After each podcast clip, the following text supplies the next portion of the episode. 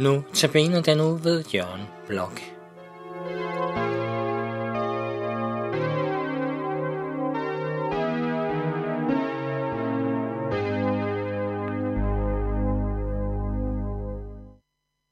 Jeg vil i dag gerne begynde med at læse en tekst fra Johannes evangeliet kapitel 8, hvor der står, Ved daggry var Jesus atter på tempelpladsen. Hele folket kom hen til ham, og han satte sig ned og underviste dem. Men så kommer de skriftklogere og farisæerne med en kvinde, der var grebet i ægteskabsbrud. De stiller hende foran ham og siger til ham, Mester, denne kvinde er grebet på færds gerning i ægteskabsbrud, og i loven har Moses påbudt os at stene den slags kvinder. Hvad siger du? Det sagde de for at sætte ham på prøve, så de kunne anklage ham. Men Jesus bøjede sig ned og gav sig til at skrive på jorden med fingeren. Da de blev ved med at spørge ham, rettede han sig op og sagde til dem, Den af jer, der er uden synd, skal kaste den første sten på hende. Og han bøjede sig igen ned og skrev på jorden. Da de hørte det, gik de væk en efter en, de ældste først, og Jesus blev alene tilbage med kvinden, som stod foran ham. Jesus rettede sig op og sagde til hende, Kvinde, hvor blev de af? Var der ingen, der fordømte dig? Hun svarede, nej herre, ingen. Så sagde Jesus, heller ikke jeg fordømmer dig. Gå og synd fra nu af, ikke mere. Må ikke mange af os kender situationen. Det er tidligt om morgenen. Det er mørkt, og så kommer der en ind i soveværelset og tænder lyset. Og vi skriger, sluk lyset. Eller en dag, hvor solen skinner, så kommer vi til at kigge ud af vinduerne. Og det er ikke solen, vi ser, men de beskidte ruder. Og vi har mest af alt lyst til at rulle for, for ikke at blive mindet om, at vi jo egentlig burde gå ud og pusse vinduerne. Vi kan ikke undvære lyset, men lyset kan være frygtelig ubehageligt, især når det afslører vores skjulte og mørke sider. Teksten, som jeg netop har læst her, har altid fascineret mig. Det er som om jeg på en eller anden måde ikke kan blive færdig med den. Begivenhederne udspiller sig, mens Jesus er i Jerusalem til fest. Og før begivenhederne her, som vi læste om, så havde Jesus dagen i forvejen haft et opgør med de ledende jøder. Han havde sagt til dem, meget utilsløret, at de brød med Moses. De ledende jøder var overbevist om, at de gjorde, hvad de kunne for at gøre det, Moses havde påbudt.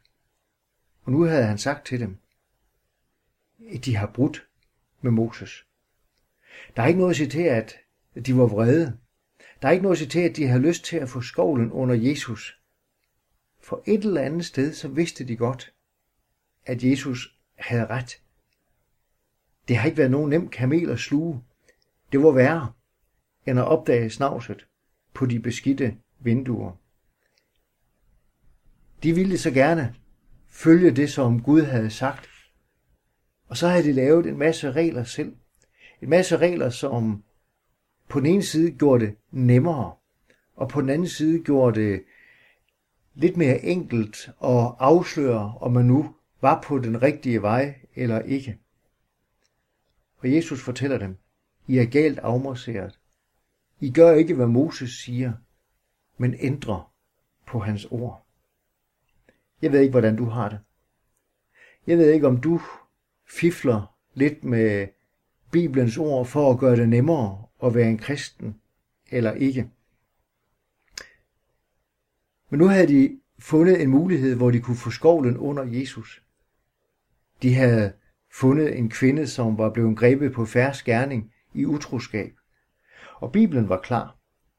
Både hende og manden skulle stenes. Og så kan vi jo godt filosofere lidt over, hvor manden blev af, når de nu var grebet på færre gerning. Men lad det ligge. Nu, nu vil de have Jesus til at afsløre, om han selv fulgte Moses eller ikke. Kender du det her? Du er blevet afsløret, og straks udbryder du. Du skal da ikke tro, du er bedre selv. Og sådan tænker du måske også om Jesus. Måske er det derfor, der er nogen af os, der engang imellem synes, at der er så meget kritisabelt ved de kristne. Der er så meget elendigt og uselt ved dem. Fordi så slipper vi for at se, hvordan det står til med os selv. Jesus, han gør hverken det ene eller det andet dag, hvad de havde forventet. Han tager ikke den svages parti, som de havde ventet, at han ville gøre, for det gjorde han altid.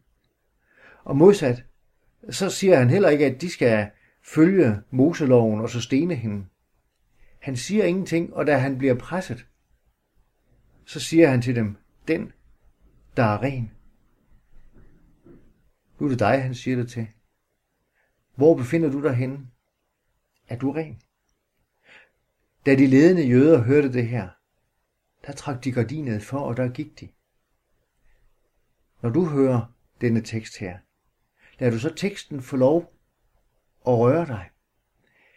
Spørger du efter, hvad har den egentlig af budskab ind i dit liv?